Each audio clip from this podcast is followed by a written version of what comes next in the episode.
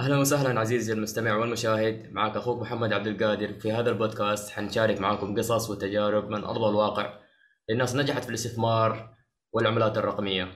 ضيفنا اليوم الأستاذ مبارك سعد الوطري راح نعرف سوا اليوم بدايته وتجاربه والمشاكل اللي مر فيها وكيف تجاوز المشاكل هذه. ضيفنا اليوم أستاذ مبارك. أهلا وسهلا أخوي مبارك. يا هلا حياك الله. يا هلا كيف مرحبا حالك؟ وسعيد جدا إني أكون. معاك. الله يجزاك خير. نورك طال عمرك. الله يبارك فيك. بإذن الله نبغى نعرف عنك من هو وش هي نبذة بسيطة عن مبارك. أه على السريع الاسم نفس ما ذكرت مبارك سعد الوطري من الكويت. أه الخلفية ما عليك زود. الخلفية الدراسية هي شهادة آه، هندسة أه في مجال الكهرباء الهندسة الكهربائية. أه تخرجت. من جامعة آه، ويسترن سيدني من استراليا. أه اشتغلت قبل لا أدخل في مجال الكريبتو في مجال التصميم الهندسي المباني كهرباء المباني إلى آخره. تفرغت بعدين للعمل الحر وسويت شركة برمجة وبعدين اشتغلت في المجال التقني من ناحية applications ما applications وبعدين للأمانة تفرغت أكثر لمجال الكريبتو. وبدايتك متى كانت في مجال الكريبتو؟ 2017 آه بديت قبل الانفجار اللي صار في 2017 تقريبا كان سعر البيتكوين اتكلم على 5000 4000 ونص. وقت ما وصل 11 للأمانة. ربع لما وكنت معاه لما راح لما يقارب ال 20 يعني قبل الهبوط العظيم اللي صار في 2018 ما شاء الله. وإيش اللي كان وجهك يعني ما شاء الله من المجال اللي كنت فيه لمجال العملات الرقمية. وش كان الدافع اللي والله؟ شوف بداية كانت الفكرة كانت الفكرة مغايرة. شنو يعني إن في شيء اسمه عملة رقمية؟ ليش الكيان هذا موجود؟ ليش في شيء اسمه بلوك تشين اعرف شنو هذا بلوك تشين أه شنو فرق البلوك تشين عن اللي إحنا معتادين عليه الانترنت الطبيعي أو الحياة الطبيعية؟ لما بالبداية سمعت موضوع انه والله التحكم ما راح يصير عند الكيانات الكبيرة نفس مثلا البنوك والمؤسسات المالية صحيح. والدول والى آخره. ال- الفكرة نفسها خلينا نقول تداعب حواسك من داخل. تبي تعرف أنت شنو ورا هالعالم. صحيح. فكانت البداية من هناك للأمانة. وطبعا المؤثر الثاني الطبيعي اللي الناس كلهم داخلين أن عملية إن أنت تبي تشوف ال- العائد المادي لهذا الموضوع. فاحنا يمكن خلينا نتكلم عن جيلنا إحنا جيلنا ما واكب ال- الاستثمارات الكبيرة اللي الأجيال اللي قبلنا كانوا موجودين فيها. يعني إذا نتكلم عن آه، الكويت مثلا البنوك الكبيرة إحنا ما دشينا في اكتتاباتها من الأساس. ما دشينا لما كان مثلا سعر بنك نفس بنك الكويت الوطني كان ب 100 فلس يعني رقم آه، لا يذكر. تمام؟ ونفس الشيء في السعودية يعني ما كنا موجودين لما كانت الشركات الكبرى ما كان في الراجحي ذاك الوقت. أي ما, ما. كان موجود أي. يعني. اللي أنت كنت تتكلم عنه إنه مجرد آه يمكن الواحد حتى ما يدش في مجال المال والفلوس هذا إلا بعد ما يشتغل يمكن عشر سنين يلا يفكر يدش في هذا المجال. حتى. بالضبط لأن هم من صعوبة. يعني هني مثلا عندنا بالكويت عشان تبطل محفظة في محفظة استثمارية في أحد البنوك يبي لك على الأقل كم؟ 50 ألف ريال 5000 دينار تقريبا عشان يلا تقول بسم الله. فإذا أنت توك متوظف الرقم هذا كبير جدا عليك يعني إن إن أنت تحطه بس لمجرد إن أنت تبي تفتح محفظة. فبدت المفاهيم تتغير بصورة كبيرة جدا لدرجة إن أنت قاعد تقول أنا ليش آه، ما أكون جزء من هذا التغيير. فهذا بكل بساطة إن ليش بدت الفكرة وليش طلعت الفكرة ببالي وليش قلت لا أبي أشوف وأبي أجرب بعد. كنت لحالك وقت ما جربت ولا كان أصحابك معاك ولا الفكرة كانت لا والله كنت بروحي كنت بروحي بداية. يعني يمكن أذكر كنت قاري مقالة آه، باحد المواقع آه، الأجنبية شيء اسمه بيتكوين. يعني اللي حتى يعني أنا أنا درست في أستراليا من 2010 إلى إلى إلى نهاية 2016 ما شاء الله. استراليا شوي تقنيا متأخرة نوعا ما عن العالم. فخلال السنين هذه وخصوصا كلية نفس كلية الهندسة اللي يفترض هي واحدة من الكليات التقنية العالية تخيل إن ما حد كان يذكر الموضوع هذا ابدا. تخيل إن ما حد كان عارف شنو يعني بيتكوين. تخيل إن ما حد كان عارف شنو يعني بلوك تشين. ف ما سمعته إلا لما رجعت الكويت وكنت قاعد أقرأ مقالات فواحدة من المقالات كانت تتكلم عن البيتكوين فصار فيني لا لحظة في في عالم جديد في حاجة جديدة صايرة هنا. بالضبط. يعني ما شاء الله ما سمعتها في أستراليا يعني لو وقت وقت ما رجعت أبداً. عندها ابدا. أنا ما سمعته إلا واحد بعدين لما بديت أدخل فيها كنت أتكلم مع واحد زميل لي من السعودية بعد عمر الكثيري الله يعطيه الصحة والعافية. آه، هو كان هندسة آه، كمبيوتر. فبعد ما دخلت وتعمقت أكثر وكل شيء كلمته قلت له عمر ترى في الشغلة الفلانية اسمها بلوك تشين والبيتكوين وهذا كان يقول لي مبارك أنا اعرفها من 2011 ما قلت له. طيب ليش ما قلت لي؟ زين ما شاء الله يقول إيه. ما أدري حسيت حسيت إنه ما منها فائده فقلت خلاص ما راح أكمل معاها فكان سهل أساسا حتى يمكن 2011 كان سهل جدا إن أنت تعدن البيتكوين أو تطلع البيتكوين يعني ما كنت محتاج إلى لا أجهزة لا كروت صحيح صحيح. كروت الشاشة كمان كانت رخيصة في. ذاك الوقت ما كنت محتاج كروت شاشة. ما وصل ما وصلت الصعوبة إن أنت تستعمل كروت شاشة. كان ال CPU نفسه اللي هو مال الجهاز يكفي يوفي ويطلع لك يمكن عادي باليوم نص حبة بيتكوين يوميا يطلع لك نص حبة بيتكوين. ب 2011 فاهم؟ ب 2011 كان الموضوع سهل جدا جدا لدرجة يمكن أول أذكر آه، في transaction اللي هي عملية أول تعدين وهو طلع واحد بيتكوين وال reward ماله اللي هي جائزة التعدين أساسا اللي هي جائزة ال block بيتكوين ثاني. فأنت تخيل بي- بيوم واحد أقل من يوم واحد أنت عندك اثنين بيتكوين. فكانت. الحياة سهلة. شلون؟ حاليا في pool أتوقع يسوون pool عشان بس يحصلون على يعني عدة ساتوشيات إي بالضبط. يعني حتى أساسا حتى ال pool الحين لما تتكلم عن ال reward نفسها إذا أنت يعني تعبان كلش الحين ال reward 6.25 آه، بيتكوين. فأنت تخيل ال 6.25 بيتكوين عادي توزع على 100 ألف شخص. فيعني أساسا ما قاعد يطلع لك الشيء الكبير. يعني أنت لازم تحسبها عدل تحسب الأجهزة. يمكن إحنا في دولنا الكهرباء شوي آه، رخيصة والله الحمد ولكن إذا أنت في دول أجنبية لا الكهرباء راح تكون تفرق- عامل تفرق. كبير لأن فاتورة الكهرباء راح تكون شيء مخيف جدا. صحيح. هل لك كان لك تجربة في التعدين ولا والله اي مع الإيثيريوم. مع الاثيريوم مع الإيثيريوم كان. أي نعم. بداياتك في 2017 كان عندي- آه شريت الجهاز كان في شركة اسمها Antminer. آه هي اللي تسوي التعدين. أجهزة إي أجهزة التعدين. آه sorry اسمها Bitmain والجهاز اسمه Antminer.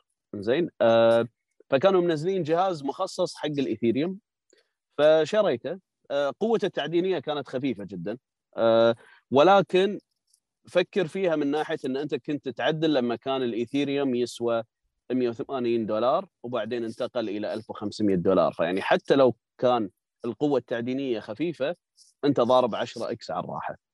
صحيح. ما شاء الله عليك. حاليا أنتم مؤسسين ما شاء الله مثل ما شفت آه، فريق DeFi. أي نعم.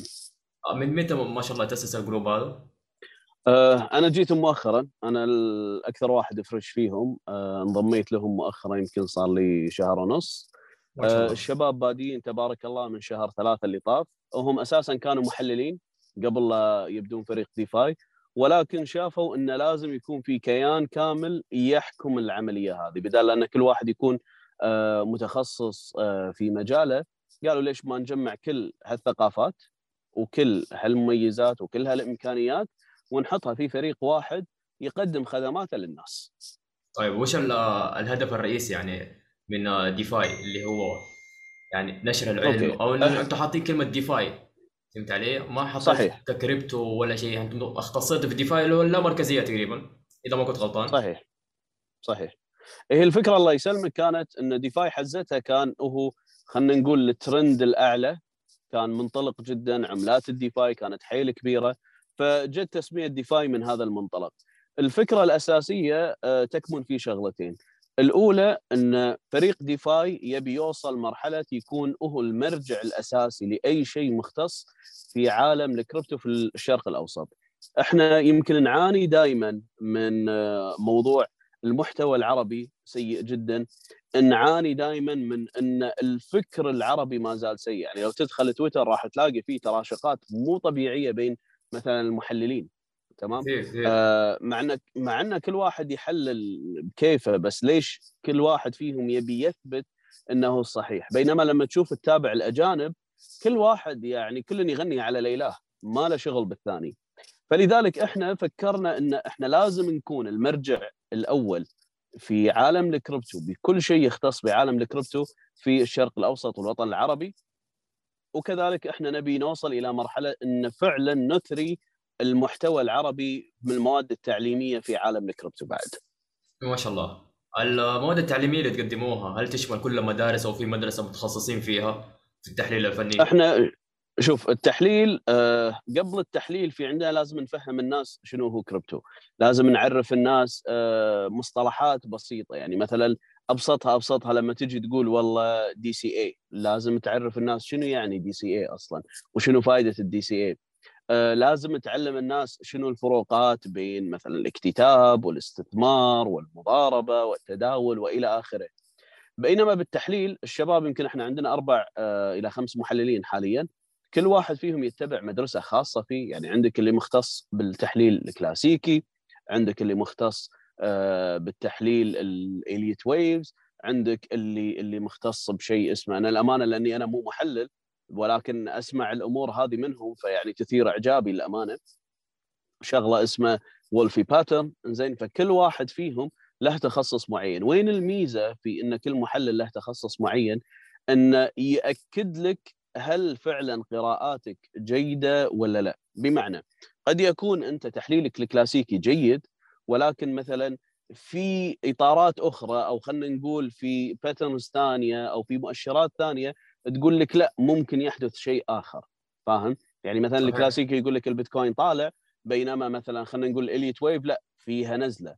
فهني لما تجمع أكثر من نوع تحليل ممكن يعطيك خلينا نقول validation أكثر أو تأكيد أكثر على الفكر اللي ببالك أو خلينا نقول الفكرة مالت وين توجه هذه العملة أو وين توجه السوق أو وين توجه البيتكوين فهذا يساعد دائما باختلاف المدارس يساعدك تتأكد من الفكرة اللي راح تطرحها للناس. تمام ما شاء الله عليك. آه الاكتتاب هل لكم شرح في الاكتتابات أو لكم توجيه في الاكتتابات خاصة العملات الجديدة؟ كيف طريقة إي إحنا يمكن أنا أكثر واحد مجابل الاكتتابات للأمانة. أه الاكتتابات لأن فيها مشكلة كبيرة لازم أنت توضحها للناس.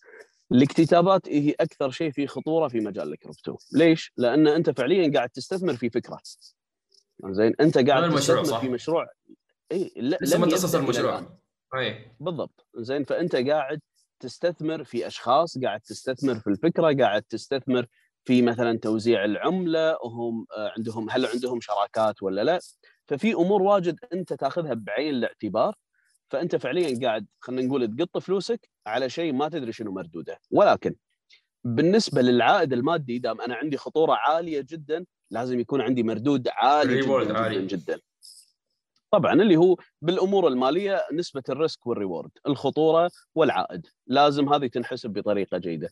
فمثلا عندك شيء نفس سولانا على سبيل المثال. سولانا اللي كان مشتري في اكتتابها كان على منصة كوين آه، ليست الحين عائدها المادي 92 ألف بالمية. رقم مهول. زين فهني أنت تتكلم عن متعة الاكتتابات. ولكن في 2017 2018 حدثت طامة كبرى في موضوع الاكتتابات. آه، كان حزتها ما كان في الاكتتابات اللي تعرف باليوم بال IDOs وال IEOs وال IGOs كانوا هم مجرد نوع واحد اسمه ICOs initial coin offering اكتتاب للعملة. تمام؟ تمام. وهذا كان يتم بالطريقة التالية إن كل آه، مشروع له موقع ومن خلال الموقع في contract في عقد ذكي تدخل وتحول له الفلوس آه وبعدين تنزل لك العملة.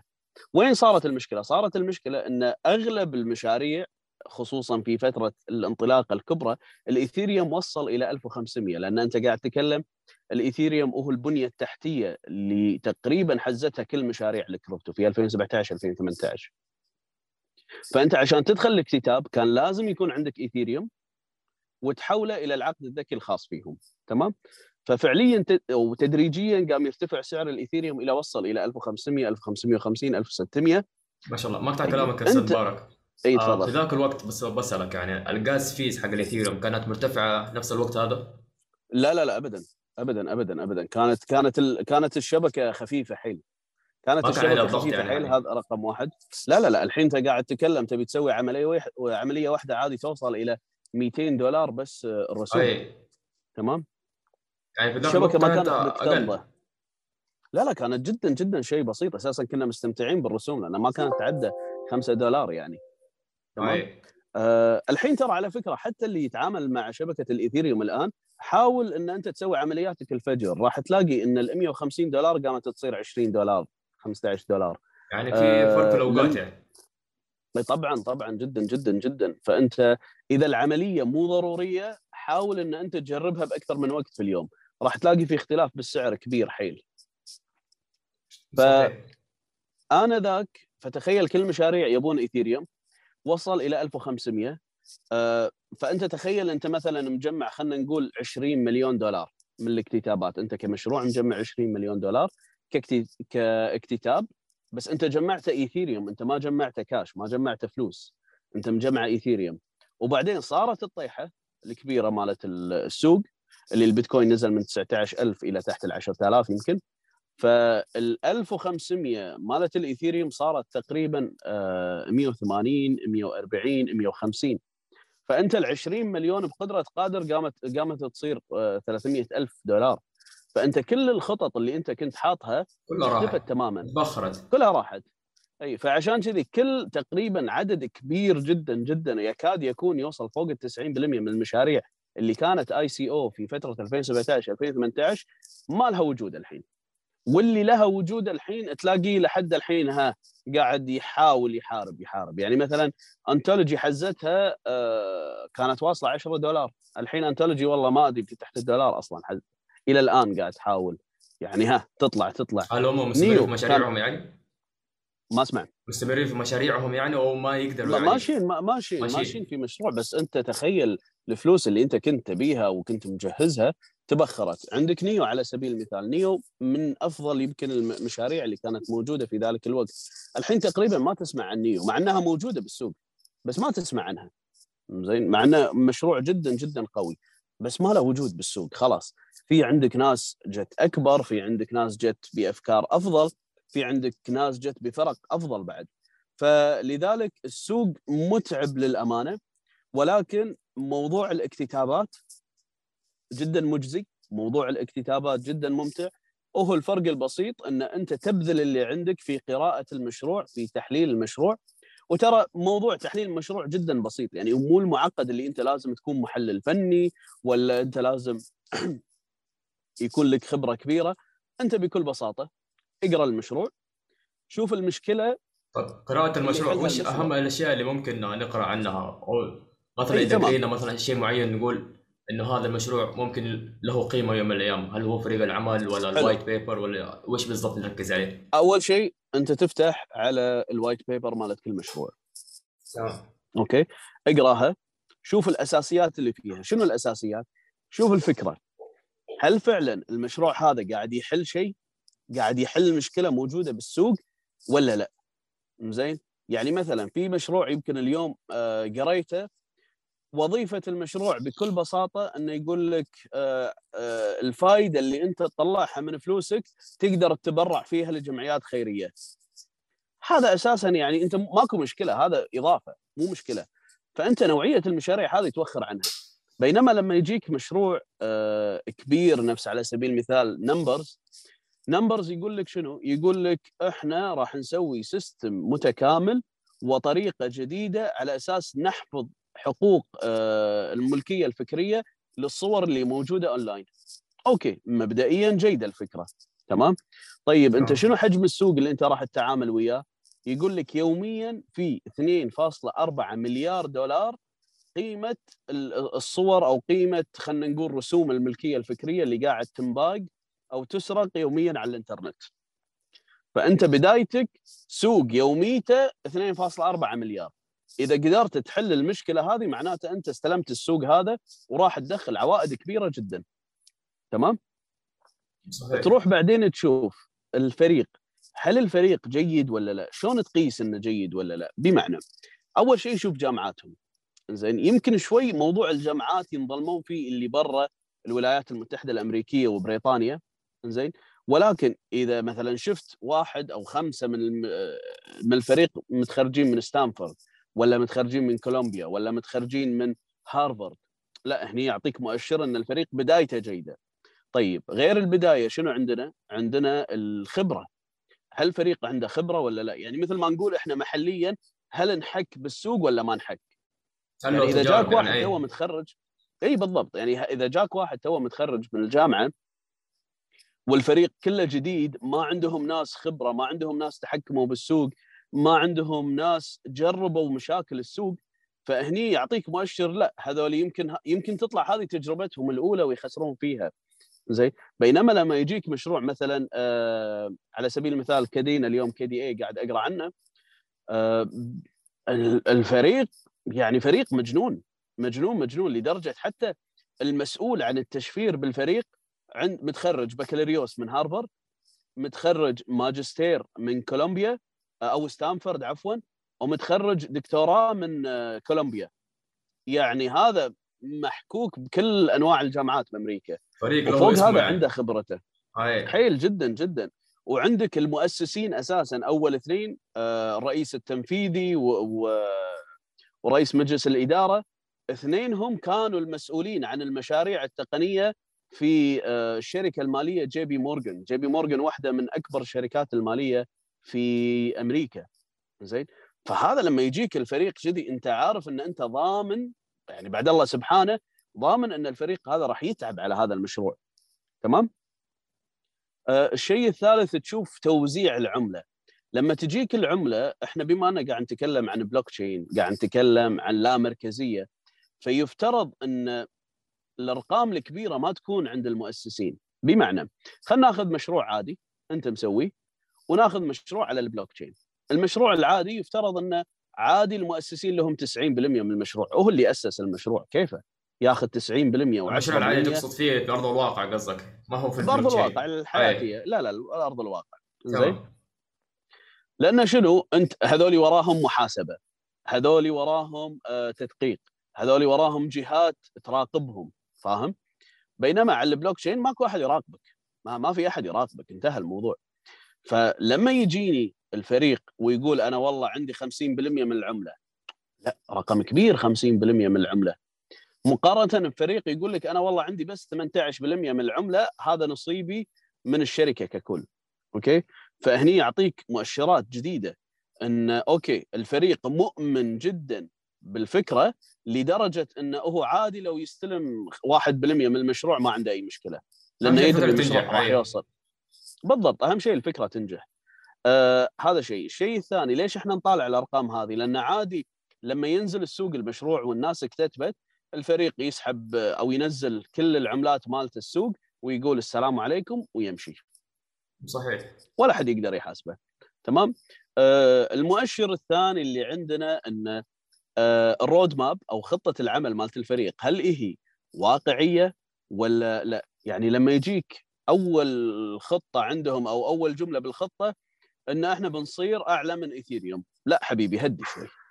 هدي شوي. إيثيريوم صار كذا اي إيثيريوم صار له داخلين دهر. دخله قوية إيه. أوكي حلو إنه يكون عندهم خطة وحلو إنه يكون عندهم أمال وحلو إنه يكون عندهم تطلع. ولكن مو بهذه الطريقة. ولا بالسرعة دي إنه تغلب اثيريوم ولا بهذه. السرعة. اي يعني ايثيريوم ايثيريوم كيان كبير جدا جدا جدا جدا. يعني صعب إن أنت تتعداه بكل بساطة. تمام؟ لذلك في شغلات عقلانية إنه يقول لك والله أول سنة إحنا نبي نجهز البيئة التجريبية مالتنا. زين ثاني سنة آه، نبي نجرب على ثلاث أربع مشاريع مثلا. آه، ثالث سنة نبي نسوي واحد اثنين ثلاثة. رابع سنة نبي ننطلق تماما أوكي هنا أنت هني تستوعب إن الجماعة فعلا فاهمين شنو يعني مشروع تقني فعلا فاهمين شلون إن المشروع التقني بيئة كبيرة لازم أنت تجربها وتتعب عليها فاهم شلون؟ صحيح. فهذا بكل بساطة الاكتتابات إن أنت تقرأ الكلام وتعرف تحلل الكلام وتعرف تقيم هذا الكلام تقيم الفكرة تقيم المشكلة تقيم الفريق تقيم توزيع العملة تقيم آه، خطة العمل. فهذه كل الأمور واضحة وصريحة أي أحد يقدر يدخل تصف مصلحة المشروع. ويقرأ. طبعا إحنا يمكن. مشكلتنا بالعالم العربي آه، القراءة شوي إحنا مو ربع معاها. فهذا هذا اللي دائما نعاني منه. يعني صعب إن أنت كل يوم تقرأ كل مشروع وكل مشروع تقريبا في 26 صفحة 25 صفحة. فشوي الوضع متعب نوعا ما إن أنت تتبع المشاريع. لذلك أكيد يعني أكيد. حتى بحسابي بحسابي بتويتر قاعد أحط يعني شبه ملخصات سريعة عن المشاريع اللي اللي اللي إحنا راح نطرحها أو يعني المشاريع اللي موجودة أو الكتابات اللي راح تنطرح أحط تقريبا ثمان تغريدات سبع تغريدات عن هذا المشروع بحيث إنه يلخص لك كل الفكرة تماما وأعطيه تقييم من عندي تقييمي الشخصي. ما شاء الله حاليا آه، مشاريع الإثيريوم في الاكتتابات أي. تشوفها أفضل من المشاريع اللي تنزل في المنصات الثانية أه لا ابدا. الحين ما في شيء. يعني ما ما في شيء أحسن من أي شيء ثاني. هي الفكرة بالمشروع نفسه. يعني الحين عندك يعني حتى آه بوليجون قامت تثبت نفسها الحين. آه سولانا تثبت نفسها الحين. آه الاثيريوم المنصة. طبعا معروف. بولكا دوت الحين قاعد تشتغل بانطلاقة بس نخلص موضوع ال auction هذا مالهم. آه ونشوف هل فعلا المشاريع قاعد تكون بطريقة جيدة ولا لا. يمكن الاستفسار الأكبر أو المشكلة الأكبر عندي كاردانو ADA إلى الآن ما أثبتت جودتها بصورة كبيرة. يعني حاسس إنه ممكن ما حتستمر في ال top 10 أو ال top 5 آه يعني للامانه هي صار لها فترة تقريبا decentralized 100% لا مركزية 100% تمام؟ أي. آه ولكن لحد الحين ما شفنا مشاريع كبيرة قاعد تطلع على كردانو شنو الأسباب؟ للأمانة ما أدري بس لحد الحين أنا ما سمعت عن مشروع ضخم طالع على كردانو تمام. العملات البديلة ال altcoin بصفة عامة. أي نعم. هل انت تضاربون فيها أو مستثمرين يعني swing أو فترات قصيرة؟ إي طبعا تجربة. طبعا. طبعا. يعني أنت الفكرة أساسا أي. أنت تتعامل مع السوق بكل جزئياته.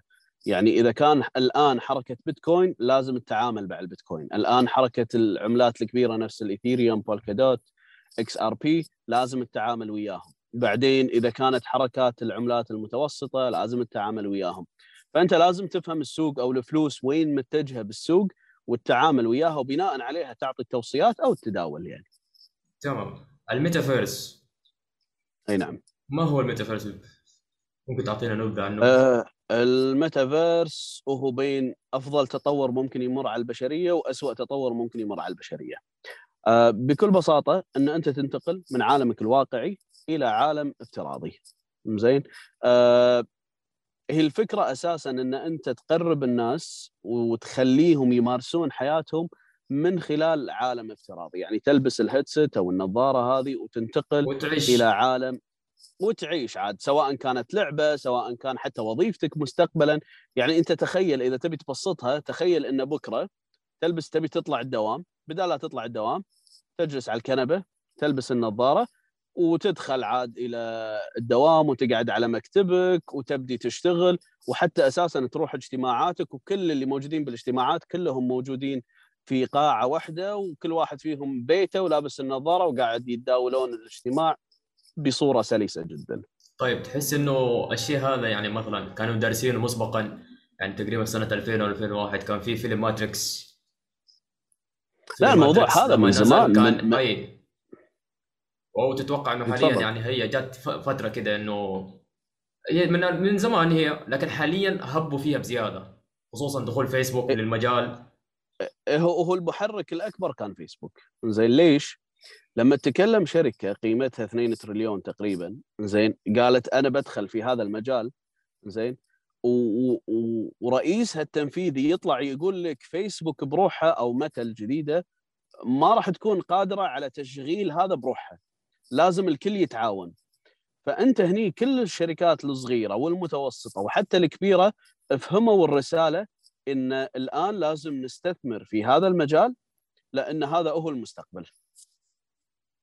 تمام. إذا شركة كبيرة نفس متى اللي هي فيسبوك قالت لك أنا ما راح أقدر أشغل الموضوع هذا لوحدي لازم الكل يتعاون معاي فخلاص أنت تدري إن هذا المستقبل وتدري إن كل المشاريع الجديدة لازم تشتغل في هذا المجال.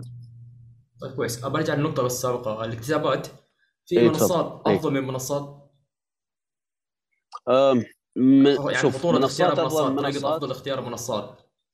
في طبيعي طبيعي. ولكن كل ما خلينا نقول الأمان زاد كل ما الشروط زادت. بمعنى يعني عندك مثلا داو ميكر داو ميكر يمكن من أفضل المنصات اللي موجودة. ولكن نسبة إن أنت تأخذ مشاريع صعبة جدا. لأن مثلا يمكن أعلى أعلى فئة اللي هي level 5 اللي انت تقريبا يمكن مسوي staking حق 150 ألف دولار نسبة إن أنت تدخل مشاريع 45% طب الصعوبة هذه يعني آه. إنه مشروع قوي يعني بالنسبة هل تعني إنه مشروع قوي؟ شوف مش مشاريعهم للأمانة كلها مدروسة يعني أقل أقل مشروع راح يطلع لك 7 X سبع أضعاف على الراحة.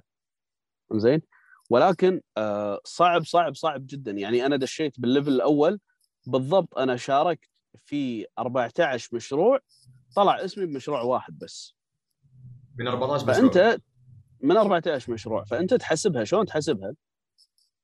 تحسبها إن أنت حاط فلوس أو حاط العملة staking فأنت تقريبا حاط يمكن 10000 دولار. 10000 دولار أنت مخليها هناك. زين. 10000 دولار لازم أنت تحسب هل فعلا المردود اللي قاعد يجيني من إني حاط ال 10000 دولار هذه يكفي ولا لا؟ 14 مشروع خلال فترة شهرين ما جاني إلا مشروع واحد. والمشروع هذا مقسم إلى خمس شهور. كل شهر ينزلون لك 20% منه. تمام؟ ف وأنت أعلى فئة تقدر أو يعني أعلى رقم تقدر تكتتب فيه 200 دولار.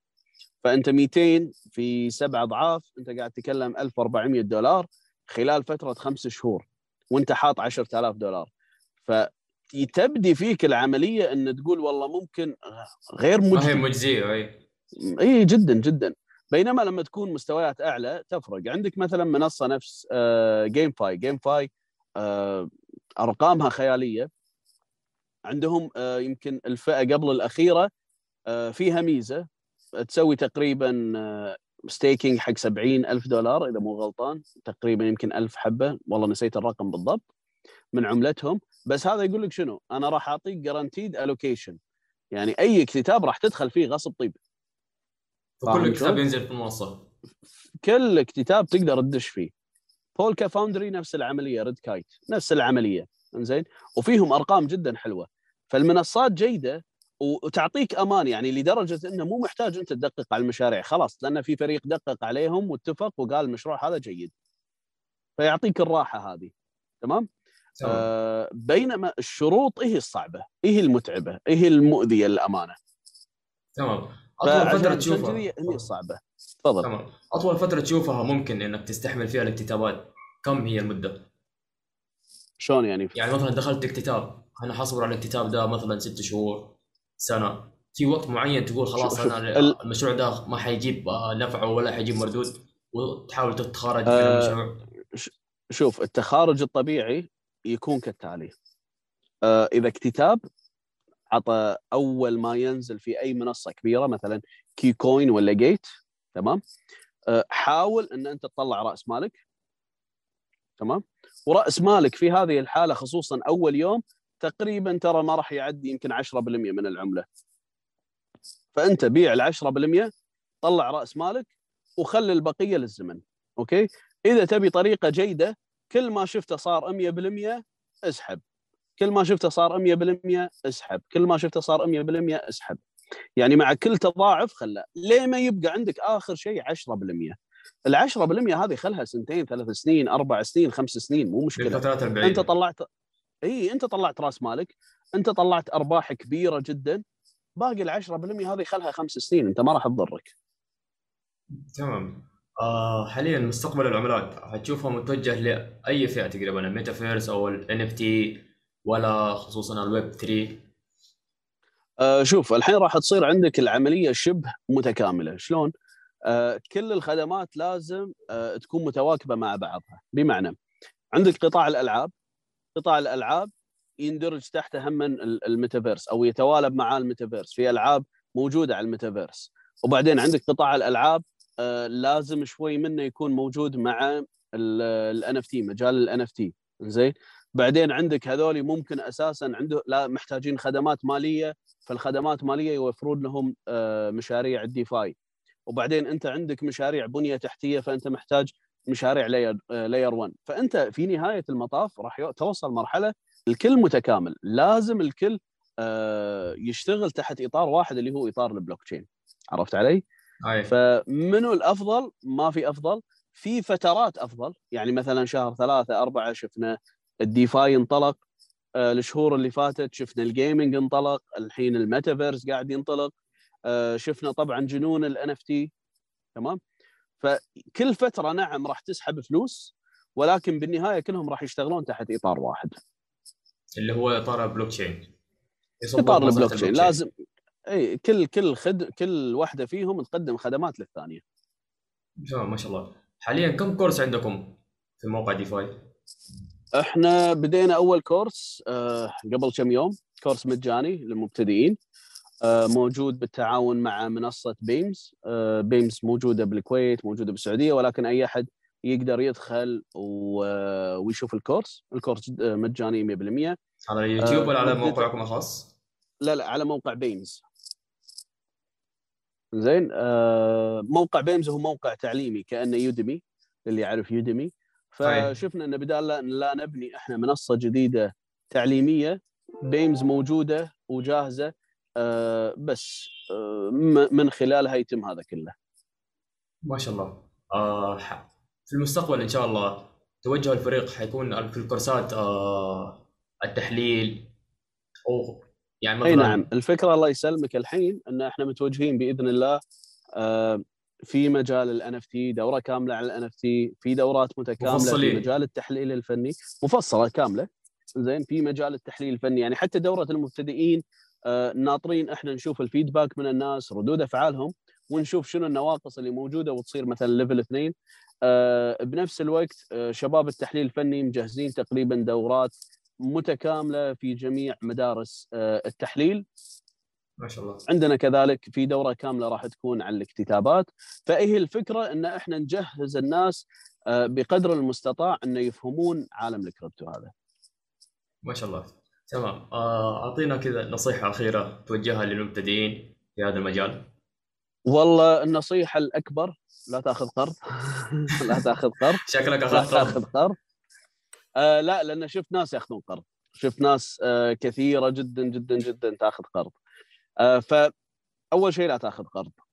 ثاني شيء آه لا تدخل بفلوس أنت محتاجها. بمعنى ممكن أنت تدخل نعم صفقة ناجحة ولكن الصفقة الناجحة هذه محتاجة مثلا أسبوع أسبوعين ولكن أنت محتاج الفلوس بعد أربعة أيام. فأنت ضايقت على نفسك وبنفس الوقت ضيعت فرصة جيدة. تمام؟ فحاول إن أنت ما يعني تدخل بفلوس أنت مو محتاجها في القريب آه العاجل. آه الشيء الثالث لا تتهور لا تسمع بس موضوع إن آه، العملة الفلانية طلعت 10 أضعاف وتروح على طول تحط فلوسك هناك لا تسوي هالشيء ابدا. آه، خليك مؤمن بالعملات اللي أنت دشيت فيهم. ابعد عن عملات الميم تقصد يعني اللي ما عندها آه، مشروع أي شيء. شوف وال... والله أنا أشوف الشباب مستانسين على ال memes فأنا ما ودي أقول لا تدخل ال memes عشان لا يزعلون علي لا هي ولكن هي فترة واحد- بس ما هو صحيح. بعيدة يعني. صحيح. أنا الأمانة مبتعد عنهم تماما لأن أنا ما أقدر أشوف آه، شلون العملية راح آه، راح تتم. يعني مثلا عملة نفس دوج ارتفعت ارتفاع مجنون. آه طيب أنا ما عندي مؤشرات تبين لي ليش دوج ارتفعت تمام؟ فعندنا المشكلة هذه. المشكلة الثانية الله يسلمك إن ليش آه الناس تروح إلى إلى أو تسمع إلى ناس مشاهير ويلا وراه. يعني مثلا إيلون ماسك قال كلمة دوج يلا خلينا نروح نشتري. طيب شنو؟ ليش رايح تشتري أنت؟ بس عشان؟ إله ممكن إيه. إي يعني ما ماكو ماكو مؤشر ابدا ماكو مؤشر. فلذلك أنا مبتعد جدا عن عملات ال memes ابدا ما أقرب جنبها. آه إذا ما كان مشروع قوي واضح إنه مشروع قوي حتى ما يعني حتى ما أتداول فيه يعني. فاهم شلون؟ يعني حتى ما أدق على الشباب أقول لهم شباب شلون التداول هني؟ هل هو جيد ولا لا؟ آه مبعد عنها فابدا نهائي إذا ما كان مبتعد جدا 100% زين إلا إذا كنت أنت عاد آه، يعني متداول متمرس جدا وعارف تقرأ الشارتات وعارف تقرأ التحليلات وكل شيء روح الله يوفقك. يعني هذا موضوع راجع لك. ولكن كاستثمار طويل الامد أنا ما أدري باكر مثلا شيبة راح تظل موجودة ولا راح تختفي. أنا ما أدري. زين لأنه ما أدري من اللي قاعد يشتغل عليها ما أدري شنو المشروع ما ما في شيء ما أبيض أبيض. صحيح. عرفت شلون؟ فمن نصائح نرد نقول مرة ثانية آه، التزم بأمورك المالية. زين. آه، حاول إذا كا- كان كنت مبتدئ لا تدخل بأرقام كبيرة. جرب السوق اعرف لأن بالبداية راح تغلط مليون غلطة. فأنت لما تغلط بفلوس بسيطة الموضوع okay. بس تبارك الله أنا مروا علي ناس يعني حتى بتويتر يعني يكلمني يقول لي أنا توني بدش وبدش بمليون ريال. ليش يا كابتن؟ ولسه يعني البداية. مستحيل الرقم. أنت توك بادي يعني توك. حتى لو كنت أنت متداول بالأسهم زين وعارف سوق الأسهم سوق العملات الرقمية مختلف تماما. آليته مختلفة أرقامه مختلفة. يعني سوق الأسهم يفرح إذا حاشه مثلا 5% ارتفاع. زين؟ أكيد بسوق العملات الرقمية. فترة قصيرة. إي إي بسوق العملات عادي. أنت 300% بشمعة واحدة أصلا. فاهم شلون؟ ممكن. فالفكر إي الفكر يختلف الدنيا تختلف الحياة تختلف. أه، سوق العملات مثلا أو عفوا سوق الأسهم أه، محفوظ أه، من خلال الهيئات اللي تراقب عليه.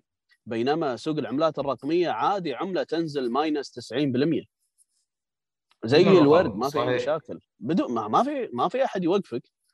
زين بينما يعني مثلا بالكويت بأمريكا بالسعودية راح تلاقي إن في هيئة مختصة في رقابة سوق آه، الأسهم. ولهم شروط ولهم قوانين ولهم أمور كثيرة. بينما سوق العملات ما فيها شيء فعادي إن أنت تخسر فلوسك بثانية وعادي تطلع 2000 ضعف فلوسك بثانية.